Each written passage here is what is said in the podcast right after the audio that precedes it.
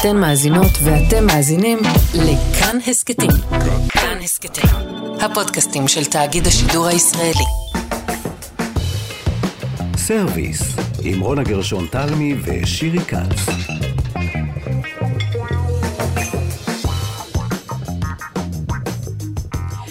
שלום רב לכם המאזינים, שלום שירי. שלום, רונה גרשון תלמי. מה שלומך?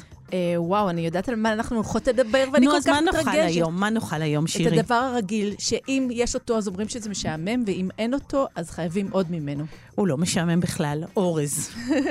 אורז קדימה אורז. אז אני הולכת לספר לך, אה, כבר הזהרתי, סיפור שלא קשור כל כך לאוכל, אבל הוא בכל זאת, זה הסיפור שעולה לי כשמדברים על אורז, ואני אני אספר אותו בכל זאת. אה, בנעוריי נסעתי לסין, וחיכיתי לאיזו טיסה אה, דרך נובוסיבירסק, חיכיתי לטיסת פנים, והייתה סופת שלגים, ונתקעתי ליום וחצי בנמל זאת התעופה ההרפתקה של בסין. ממש. ישבתי בנמל התעופה וטלפון ציבורי מצלצל ומצלצל ומצלצל.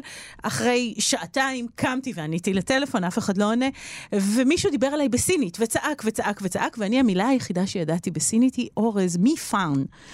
אז אחרי שהאיש צעק, אני עניתי, 米饭? והאיש צעק, 米饭? 米饭? וככה שלוש דקות של... איש אומר משהו חשוב ואני עונה אורז, בסוף סגרנו. את אה, יכולה אני רוצה לדבר אפילו להתנצל- בסינית על אני רוצה אורז. להתנצל בפני הסיני ההוא, שבטח היה לו משהו חשוב מאוד כשהוא התקשר לנמל התעופה, ולא הבין למה כל הזמן אומרים לו אורז אורז, אז זאת המילה היחידה שידעתי. הנה הורדתי את זה מהשולחן. על מה נדבר היום? נו, את אמרת את זה בסינית, יותר משם אני לא אוכל ללכת, אבל אנחנו נדבר באמת על אורז גם תחת משבר אקלים, וגם אה, אורז ב- במטבח ההודי, וגם אה, אורז... אה, עם אה, טכנולוגיות חדשות, מכיוון טכנו- שיש לגמרי, בעיות של מים לגמרי. וגידול אורז, ומנסים לפתח, גם זה נכנס לתוך הפודטק, אהה. אה, ונדבר עם הדוקטור תמי מירון, שתסביר לנו איך עושים אה, בפודטק, בתעשיות החדשניות, איך מגדלים אורז. וגם דיאטת אורז. נכון, והודי זה? רינה פושקרנה האחת והיחידה, שאין כמותה כן, אה, מטנדורי. ויש לנו גם נטורופט שמתעסק עם המון ניסויים מעניינים בבתי החולים שקשורים לאורז, וגם נסע ליפן וראה מדוע תוחלת החיים שם כל כך ארוכה, בשעה שאוכלים כל כך הרבה אורז. אנחנו מתחילות. וכאמור, אנחנו נפתח עם השפית והמסעדנית רינה פושקרנה, בעלת רשת מסעדות טנדורי. שלום. שלום, שלום, נמסטה. אה, נמסטה. אנחנו שמחות שאת כאן, תודה שהגעת. תגידי, אפשר להכין אה, אוכל הודי בלי אורז? לא. לא, לא. חד וחלק. אני למה? אלפיים שנים כבר מסבירה לאנשים שהם הם, אה, שותים את הקארי כמו, כמו מרק. אני אומרת להם, לא, לא, זה לא הולך ככה, שמים את האורז ועל זה את הקארי, וככה אוכלים. למה בעצם, רינה? כי אחרת זה לא ישביע אותנו? זה לא ימלא את הצורך? בדיוק, בדיוק. כמו, כמו פלאפל, בלי פיתה זה לא הולך. וכשאנחנו אומרים אוכל הודי, אה, והשם הגדול הזה, זה סוג אחד של אורז, רינה? זה תמיד יהיה הבסמטי, או, או לא, מה לא, זה יש יהיה? כמה, יש כמה סוגים של אורז, אבל הכי, הכי uh, מאוחד זה אורז בסמטי, ועוד פעם לא בוסמטי, שיש בוסמטי גם כן אצלנו בסופר, וחושבים שזה בסמטי. ויש זה כמה לא, זה סוגים אחר. של בסמטי. הסוג- הבסמטי שהגיע לארץ עדיין לא הגיע הכי טוב. זה וואו. ממש ה- הבסמטי הנמוך. במה את מרגישה את ההבדל, הגבר. רינה? זהו, מה ההבדל בין האורז שאת מכירה מהודו שהוא כל כך טוב, לאורז שמגיע לכאן? אוקיי, זה, אה, אה, איך אומרים, אה, אה, the, the new, new crop and the old crop. כן, ה- הישן והחדש בעצם, המוצר החדש והישן. שמה זה אומר? הישן שותה פחות מים. אהה. שזה סוג זה- אחר, כן? כן, זה סוג אחר. So, so, מתי זה שותה פחות מים, את יכולה לבשל אותו, ואת מקבלת גרגר גרגר של אורז, וזה ארוך. הוא פחות מתנפח? כן, פ, פחות מתנפח. אהה, ופה הם יותר מתנפחים והם יותר כן. נדבקים בעצם. כן, כן. הבנתי, כן, הבנתי. אבל אולי אם כבר הגענו לעניין הזה של אחד-אחד, אז איך באמת מגיעים לכזה אפקט? איך מבשלים במ- במטבח ההודי? תשמעי, ישר, כוס, כוס אה, אורז, כן, כוס וחצי מים, כן. והרבה סבלנות. ומלח. לא? מלח, בוודאי מלח, בוודאי מלח. ואם את רוצה שהאורז יצא לך לבן לבן, כן. תשימי טיפה לימון. אה, וואו. יפה, זה טיפ שלא הכרנו. לבן כמו השמיים. איזה יופי. ואת לא שוטפת מראש את האורז, או כן? לא, לא לא. שוטפת. אה, ישר, לא. ישר לתוך ה... תשמעי, יש כמה, יש כמה, כמה אפשרויות לעשות את זה. מהמם. בבית היינו שמים את זה חצי שעה לפני במים, שישתה את המים, ואחר כך לבשל אותו. להשרות. אבל במ- במסעדות שלי, מה שאני ראיתי, ישר. ישר, הם, ישר. הם, הם, הם מחממים את המים מהמם. עד boiling point, ואחר כך שמים את האורז. מרתיחים מעניין, וישר לתוך מרתיחים. הרתיחה. כן. מעניין. אז זאת כן, שיטה כן. באמת מעניינת. בדרך כלל שוטפים את האורז בגלל הגלוטן בעצם, נכון? כן, כי אז הוא פחות. דביק. כן, רוצים כן. שיצא הגלוטן ואז הוא לא יידבק. אני לא חושבת שיש לא? גלוטן בדיוק. באורז. אני חושבת. שכן, לא? אחר. אוקיי. אה, ואיזה מנות אורז באמת אה, מהמטבח ההודי חובה להכיר? זאת אומרת, המנות הכי הכי טובות שעשויות מאורז. קודם כל, הכי פשוט והכי טעים זה אה, אורז ג'ירה. מה זה ג'ירה? גרגרים של כמון. וואו, אוקיי. ברגע שאוכלים את זה, אומרים, מה, אכלנו אור, אורז לבן כל החיים שלנו? אז זה הכי פשוט. אורז ג'ירה, אוקיי, עם כמון. הכי עשיר. וזה מה שאני הולכת לעשות היום בערב לשגרירות ההודית, ביריאני. וואו. ביריאני זה עם כל התבלינים השלמים, וזה one, one pot cooking. זה כל הירקות, כל הבשר, כל, כמו חמין. הכל אבל באותו לא סיר. מדביק. הכל אחד, באותו אחד. סיר, כן. כן, כן. איך עושים ש, שבאמת זה יהיה אחד-אחד, למרות שהכל באותו סיר וכל ה- הכל נעשה מין אה, בחמין, זה קצת אה, אה, מפרידים בשקיות לפעמים, גם, גם בהודי? כן, אבל לא, לא, אף פעם לא, אף פעם לא. אף פעם אבל לא. אפשר לבשל את האורס קודם, אם לא רוצים ללכת לכל הבישול ארוך של הביריאני, אפשר לעשות את הקארי, עוף או ירקות או בשר או דג לחוד, ואפשר לבשל את, ה, את האורס לחוד, אורז לבן, כוס אורס לכוס וחצי מים. מהמם. זה הטריק, לא יותר, לא אוקיי. יותר. ואם אם גומ- אה, שרואים את, ה, את ה holes, איך אומרים? חורים את ה... למעלה. כן, כן, כן. כן, את שמה איזה נייר למעלה על זה וסוגרת את זה. סוגרת את הגז גם כן. פשוט נותנים לזה להמשיך להתבשל באדים של בדיוק, עצמו, בחומר באדים שיורי שלו. מהגז. עם כן, נייר. בדיוק, וזה יוצא אחד-אחד. ואם את, את מקבלת אנשים, so את שמה בסיר קודם את העוף והרוטב, צ'יקן קארי, על זה את האורס, עוד פעם, עוד פעם את העוף, עוד פעם את האורס, עוד פעם את העוף, עוד פעם את האורס, ובצל חום למעלה, בצל אה, אה, מבושל. בקיצור, הבנת, רונה, מבשלים בנפרד. כן, כן. זאת שיטה וזה נהדרת. ככה זה יוצא, הביריאני. טוב וואו. מאוד. זה, זה, זה ממש כמה דקות וזה יוצא. נהדר. את רוצה להצטרף הערב, אני? ממש, זה נשמע נהדר. לאכול, תגידו לי איפה לשלוח לכם טייק אווי. נפלא. רינה פושקרנה, תודה רבה לך מרשת טנדורי. אה, תודה ששיתפת אותנו בסודות האורז שלך. תודה רבה. ביי, תודה. ואין אין, אוכל הודי בלי אורס, לא הולך. למדנו. למדנו. לא הולך. למדנו, זה הסוד. תודה תודה. תודה, ביי. להתראות. נמסה. שירי, לפני שנמשיך, אנחנו כאן בסרוויס, את צדקת, בדקתי, יש גוגל, נורא קל. אה, אין באורז גלוטן, את צודקת, אין. אנחנו שוטפים אותו באמת כנראה בגלל מזיקים, בגלל הארסן, שעוד נדבר עליו שהוא מין רעלן כזה, אה, אבל לא בגלל גלוטן, את צודקת, זאת לא חיטה. אוקיי, יפה. אז עכשיו אנחנו עוברות אה, אל המרואיין הבא שלנו. אופיר אה, פוגל, נטורופט, חוקר, סופר, מרצה ומדריך בארץ ובעולם. שלום אופיר.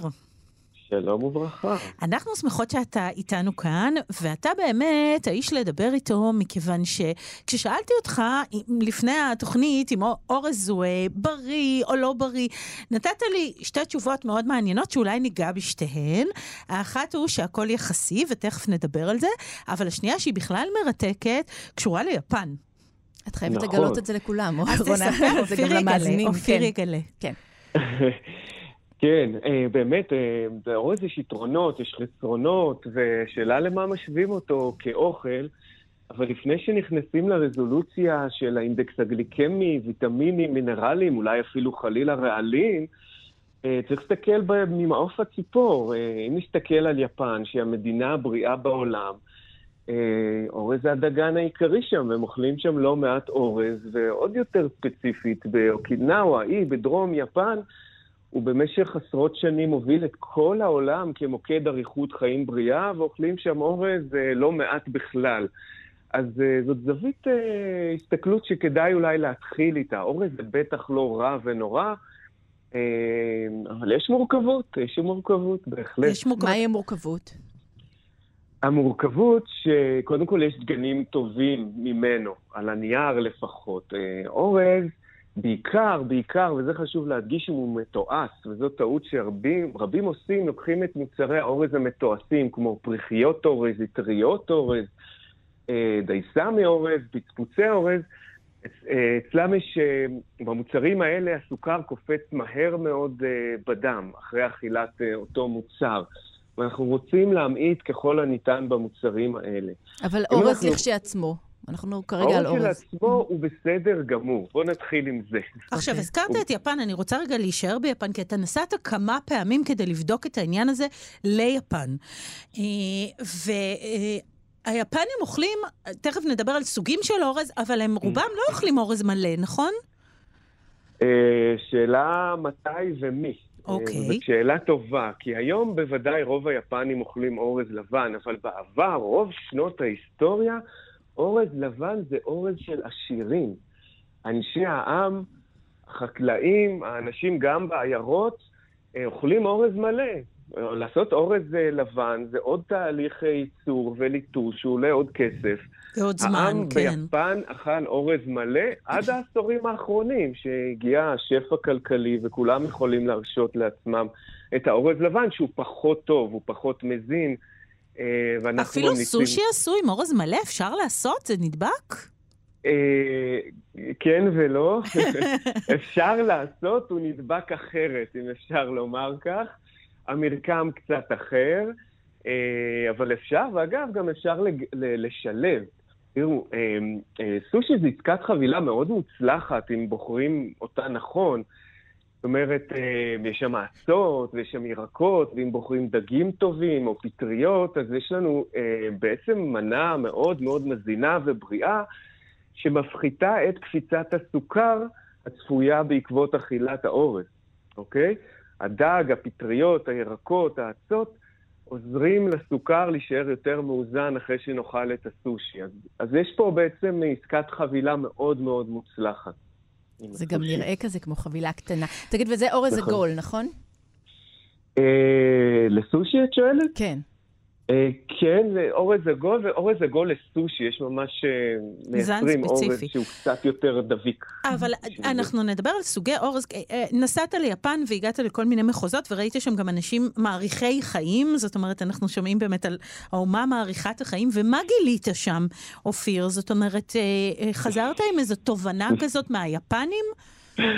וואו, איזו שאלה גדולה. אה, את מתפרצת לדלת פתוחה, כתבתי ספר שלם על הדבר הזה. אוהבת להתפרץ לדלתות כן. פתוחות, כן. אז, כתבתי ספר אה, שלם על העניין הזה, לרקוד גם בגיל 100 לחיות טוב כעת, בעקבות המסעות שלי ליפן וסרדיניה, ועבודת מחקר שעשיתי בקצת. יותר מעשור האחרון. מעניין. סרדיניה זה בניין הים התיכון? זאת אומרת, התזונה הים תיכונית? ים תיכונית משודרגת, אוקיי. אפילו יותר טובה. גם. כן, כן, אוקיי. מעריכי חיים פה ושם. אז כבר אז נלך נושא- לקרוא את הספר, אבל תסביר לנו בכמה משפטים.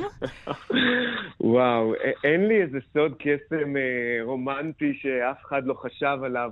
אני אענה בקצרה אה, שהמצטייני הבריאות בעולם עושים בגדול הכל נכון. וכשאני אומר הכל, אני, הם עושים ממש וי על כמובן תזונה טובה ופעילות גופנית וקשרים חברתיים מאוד משמעותיים. המקומות האלה בהם ביקרתי ואנשים שראיינתי בעצמי, או הפרופסורים שבעצמם חקרו מאות אנשים בסרדיניה ויפן, אה, מדברים גם על המעמד החברתי אפילו של הגיל המבוגר. מה שאצלנו היה פעם מאוד נפוץ, שככל שאדם יותר מבוגר, המעמד החברתי שלו גבוה, ראיתי את זה עדיין שם. יש אנשים, יש לאנשים בכל גיל בשביל מה לחיות, בשביל מה לקום בבוקר. אז אה, זה שילוב של הזנה, תנועה, קהילה, חברה, משפחה ותחושת משמעות. נשמע ו- כל כך הגיוני, זאת אומרת, התזונה היא חלק מהסיפור הזה, אבל יש סיפור רחב יותר. אה, אבל אם נשאר איתך איך האורז באורז... מתחבר לכל זה? איזה פרצוף שירי עושה. חבל שהמאזינים לא רואים. תעשי שוב. כן, כן, אופיר. האורז הוא חלק מהתזונה היפנית, ויפן היא המדינה הכי בריאה בעולם. האם הוא הסיבה לאריכות חיים? אני לא חושב. אני חושב שגם אם היו אוכלים קוסמת במקום אורז, או קינוע במקום אורז, גם היה להם טוב. אגב, סיפור אולי קצת מעניין הצידה, ב- באוקינאווה, האי בדרום, דרום יפן, שהוא הכי נחקר בנושא הזה, הם אה, אוכלים הרבה בטטות סגולות. או, אה, שזה מזון, אני כל כך שמח שהוא הגיע לארץ לפני כמה שנים ושורד איכשהו. אה, אז הם אוכלים יותר בטטות סגולות מאורז, למשל באוקינאווה. שמה יש בבטטות סגולות? הן לא מלאות בסוכר, סליחה על השאלה, כי בטטה יש לה ערך רונה גבוה. מוצאת סוכר בכל מקום. אני ככה, אני רדאר סוכר קטן, כן? הכל יחסי. התחלנו עם זה אולי. אז אה, בטטות אה, כתומות, קודם כל, אה, הן פחות מקפיצות סוכר יחסית לתפוח אדמה וגם יחסית לאורז. בטטות סגולות הן עוד יותר טובות מהכתומות, גם כי הן שומרות על הסוכר יותר מאוזן, וגם לפי הצבע אפשר להבין שיש בהן הרבה נוגדי חמצון, כמו שיש בפירות יער כהים שאנחנו מאוד ממליצים עליהם, או רימונים, או סלק. אז פה יש לנו עסקת חבילה, זה בעצם שילוב של בטטה עם פירות יער. וואו, אה, גם יפה וגם לנו- אופה, מה שנקרא. אה, כן. אה, שואל אותי פה שלומי, הטכנאי שלנו, איפה אני משיג בטטות סגולות? אה, אני, אצל חלק מהחקלאים, אני אפילו מכירה מגדל אחד. חקלאים? גם בבתי. הטבע שהמאזינים ידעו? אה, אה, כן, בחלקם. בחל... בחלק מהם, אני מוצא את זה באופן מפתיע בשופרסל, כמעט תמיד. וואו. ובשווקים כאלה, טוב, הרבה מעניין. פעמים מוצאים. אנחנו תכף צריכים לסיים, אז אני כן רוצה לשאול אותך, אופיר, על על סוגי דיאטת אורז האורז, גם. לא אה, שאלת. הנה, שירי רוצה, אני אז רציתי הנה. לדעת, מהי. דיאטת האורז? כולם מדברים על זה. דיאטת האורז זה כלי תזונת, טיפולי מעולם התזונה. אני השתמשתי בו כבר, אני חושב, יותר מאלף פעם ב-20 שנה האחרונות שליוויתי אנשים. גם זכיתי ליזום ולהוביל מחקר בבית חולים אסף הרופא ביחד עם שותפים, ושם בדקנו את היעילות והבטיחות של דיאטת אורז אה, להורדת לחץ דם והפחתת תרופות, ושמחנו לראות שב, שמי שעשה את הסדנאות האלה, 70% מהאנשים, לא רק שאיזנו את לחץ הדם, אפילו הרופא שלהם הוריד להם את התרופות ללחץ דם. אז uh, זמננו קצר ואנחנו לא יכולים להיכנס לפרטים. אני, מאוד חשוב לי להדגיש שזו טכניקה טיפולית תזונתית. זה לא עכשיו אוכלים אורז שנה. זה תהליך שאנשים לא יעשו את זה בבית ויתחילו פשוט לאכול רק אורז, זה לא טוב. ממש לא. התהליך הזה יכול להימשך חודש, יכול להימשך שלושה חודשים, עם התאמה אישית, הוא לא מתאים לכולם. אבל לא אוכלים רק אורז? הזה. לא, לא אוכלים רק אורז. יש הרבה וריאציות. אוקיי. אה, ב- בטיפול דרמטי שאני רוצה לעזור מהר לאנשים עם בעיות כליות או לחץ דם, זה יכול להיות שבוע של רק, כמעט רק אורז. מלא. אה, כן. אה, לאנשים, נקרא לזה, במצב בריאותי טוב מן היישוב, בלי בעיות מורכבות, הרבה פעמים לוחצים אותי לפינה הזאת, אז כבר התשובה שלי מוכנה. אפשר נגיד אה, באביב, שבועיים, לאכול אורז מלא, ירקות ופירות, אה, בלי הגבלה של אנחנו כמויות, בדיוק אגב. מתקרבים לאביב, רונה. כן? נכון, כן. נכון.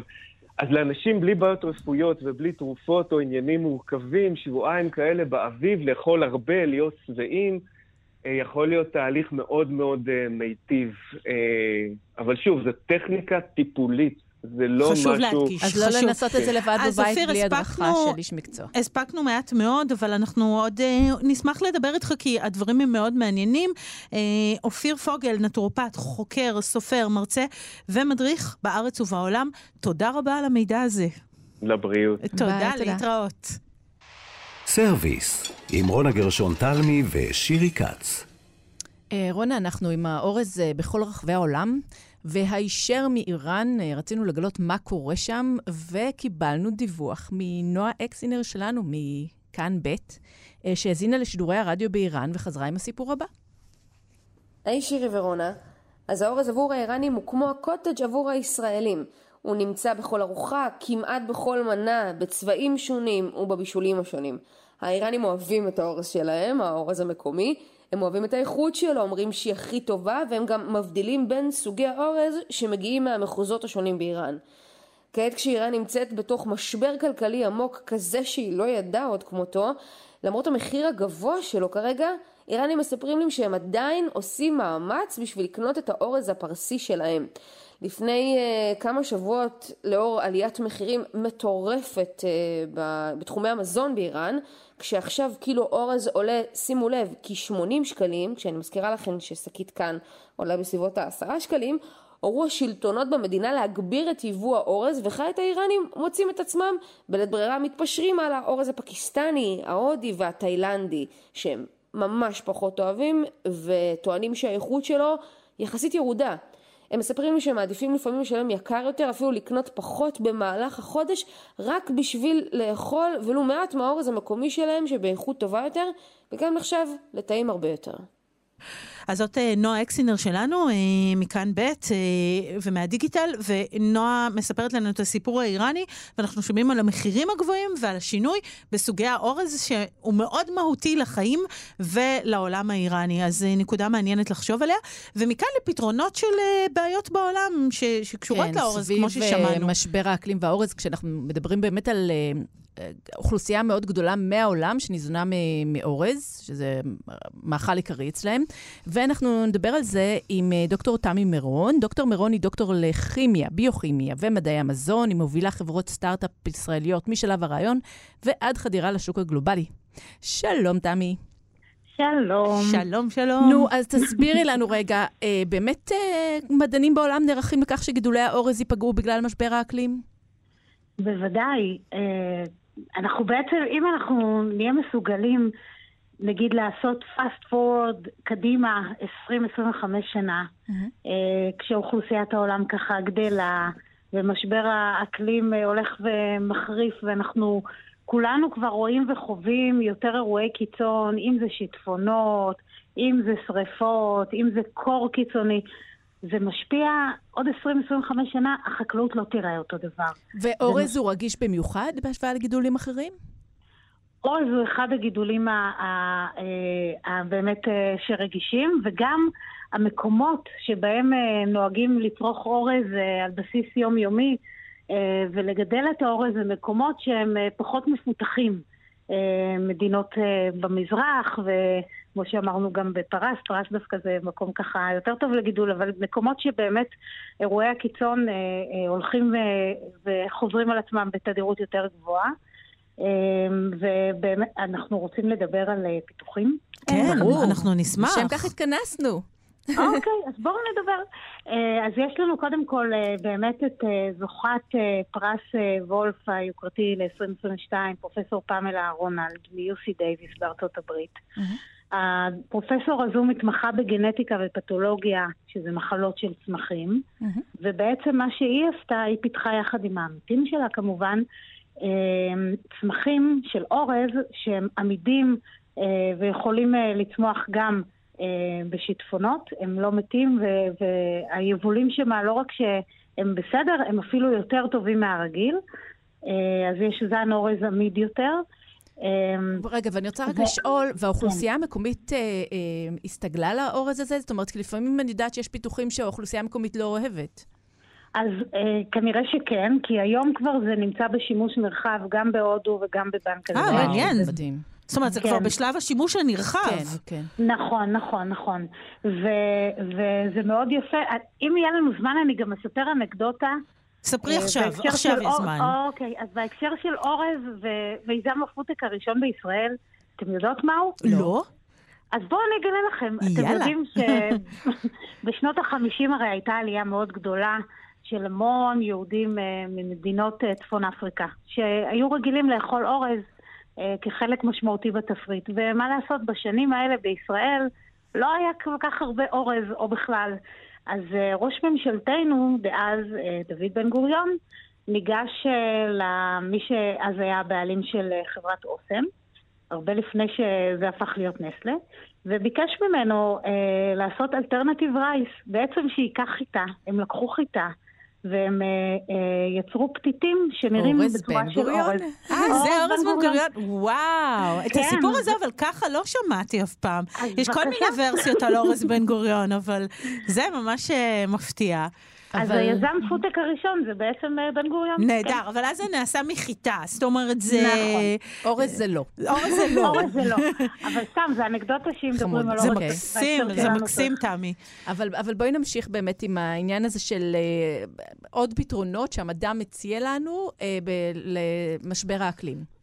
אוקיי, אז אם אנחנו נשארים רגע בעולם הצמחים והגידולים החקלאיים, אז באמת יש המון המון המון אה, פיתוחים שהופכים את, ה, את כל הגידולים החקלאיים שאנחנו אוכלים ליותר עמידים, אה, לשינויים של קור או חום או אחוז מלח גבוה באדמה, כל מיני דברים ששינויי האקלים ככה כופים עלינו. אה, יש אני, גם... אני אה, חותרת למקום מאוד מסוים בים, לזה, כן. וזה העניין של האם באמת אפשר לגדל אורז במי ים, כי אנחנו יודעים שיש אה, וואו. שטחים נרחבים של מי ים על הכדור, נכון, והשאלה אם אפשר נכון. להפוך אותם לאזורים חקלאיים. אז יש גם ניסיונות כאלה, אני עוד לא יודעת, ויכול להיות שאני פשוט לא יודעת, אבל אני עוד לא יודעת על פרויקט כזה שהפך למעשי. מהמם. אין ספק שיש שם גם כן אה, המון טכנולוגיות שנכנסות ומנסים באמת לגדל במים של, של ים אה, כל מיני גידולים. אצות, למשל, זה גם יכול להיות פתרון שאצות רגילות לגדול, רגילות, הן גדלות באופן טבעי מהמם. אה, במי ים, וגם הן, אה, יכול, מקרו-אצות יכולות להפוך להיות מקור חלבון אה, טוב עבורנו. אה, וגם יש את כל הפתרונות של אה, טיפולים למים כדי להפוך אותם למים שאפשר לגדל בהם, ועדיין לא יהיה אחוז גבוה כל כך של מלחים. זה משהו שאנחנו באמת כבר עושים אה, לאורך שנים. מהמם. יש גם התפלה עוד... בעצם, מה זה? לא? נכון, נכון, אוקיי, נכון, כן. נכון, נכון. אמ, יש גם למשל, אה, היום אם אנחנו מסתכלים עוד יותר אה, בהעמקה טכנולוגית, אז אפשר לגדל זנים של צמחים שיכילו יותר חלבון, שהחלבון שלהם יהיה פונקציונלי כבר, ולא נצטרך אחר כך לעשות תהליכי עיבוד של הצמח, אלא לקחת את הצמח ודי מהר אה, להפוך אותו למוצר מזון. זה, זה ככה לקצר גם אה, את שרשרת הערך ולהפוך את כל הגידול החקלאי והעיבוד מזון ליותר אה, בר קיימא, פחות מזהם. אה, יש מלא דברים אה, חדשים. יש גם, למשל, הדור הבא של הצמחים זה, ויש לנו חברת פורטפוליו כזו בחממה בשם פיגמנטום, זה בעצם יכולת לגדל בצורה מאוד מאוד מאוד יעילה רכיבי מזון אה, בצמחים בכל רקמת הצמח. ובצורה שבאמת זה יכול להיות מבוטא בכל צמח וכמעט כל רכיב שאנחנו יודעים את המסלול המטבולי שלו, הביוכימי שלו. יש מלא מלא מלא מלא פיתוחים בעולמות התוכן הזה, כי אנחנו באמת יודעים היום להגיד, וזה כבר קונצנזוס, שאנחנו במרוץ. ממש, גם- אז רציתי כן. לשאול אותך, אנחנו חייבות לסיים, תמי, אבל לשאול טוב. אותך לסיום על זמנים, כי אמרת שחלק ממוצרי האורז האלה כבר נמצאים וכבר משווקים. זאת אומרת, מה לוחות הזמנים זה? כמה שנים או כמה עשרות שנים? זה תלוי ב- על איזה טכנולוגיה אנחנו מדברים. אני רק חייבת במילה אחת להזכיר גם את כל הגידולים ההידרופוניים שלא דורשים אדמה ואפשר לגדל במערכות סגורות, כן. וגם כשמדברים על, על דור העתיד של החקלאות חייבים להזכיר. אז יש דברים שהם כבר היום אה, נמצאים בשוק ככה בתחילת החדירה לשוק. יש אה, אה, דברים שכבר שנים אנחנו משתמשים בהם ואנחנו פשוט לא יודעים, טכנולוגיות שמיושמות כבר. אה, ויש דברים שייקח להם חמש, עשר, חמש עשרה שנים כדי לגמור גם את תהליכי הפיתוח יפה. וה... אז, אז זה כן, לא כל כך הרגולציה. רחוק. אז אנחנו לא. רוצות להודות לך, תמי מירון. אה, דוקטור לכימיה, ביוכימיה ומדעי המזון, אה, מובילה חברות סטארט-אפ ישראליות משלב הרעיון ועד חדירה לשוק הגלובלי. תודה רבה. תודה רבה, זה היה תודה, מרתק, המון ביי מידע. ביי. תודה, ביי. תמי. אז ביי אנחנו ביי. נגיד תודה לשלומי יצחק שהיה איתנו, ולטל ניסן שהייתה איתנו, ולך שירי כץ שהיית תודה, איתנו. רונה גרשון תלמי. בשמחה, אורז אורז, לכו לאכול. 米饭? ביי.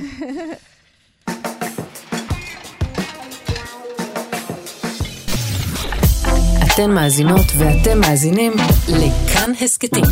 כאן הסכתים, הפודקאסטים של תאגיד השידור הישראלי.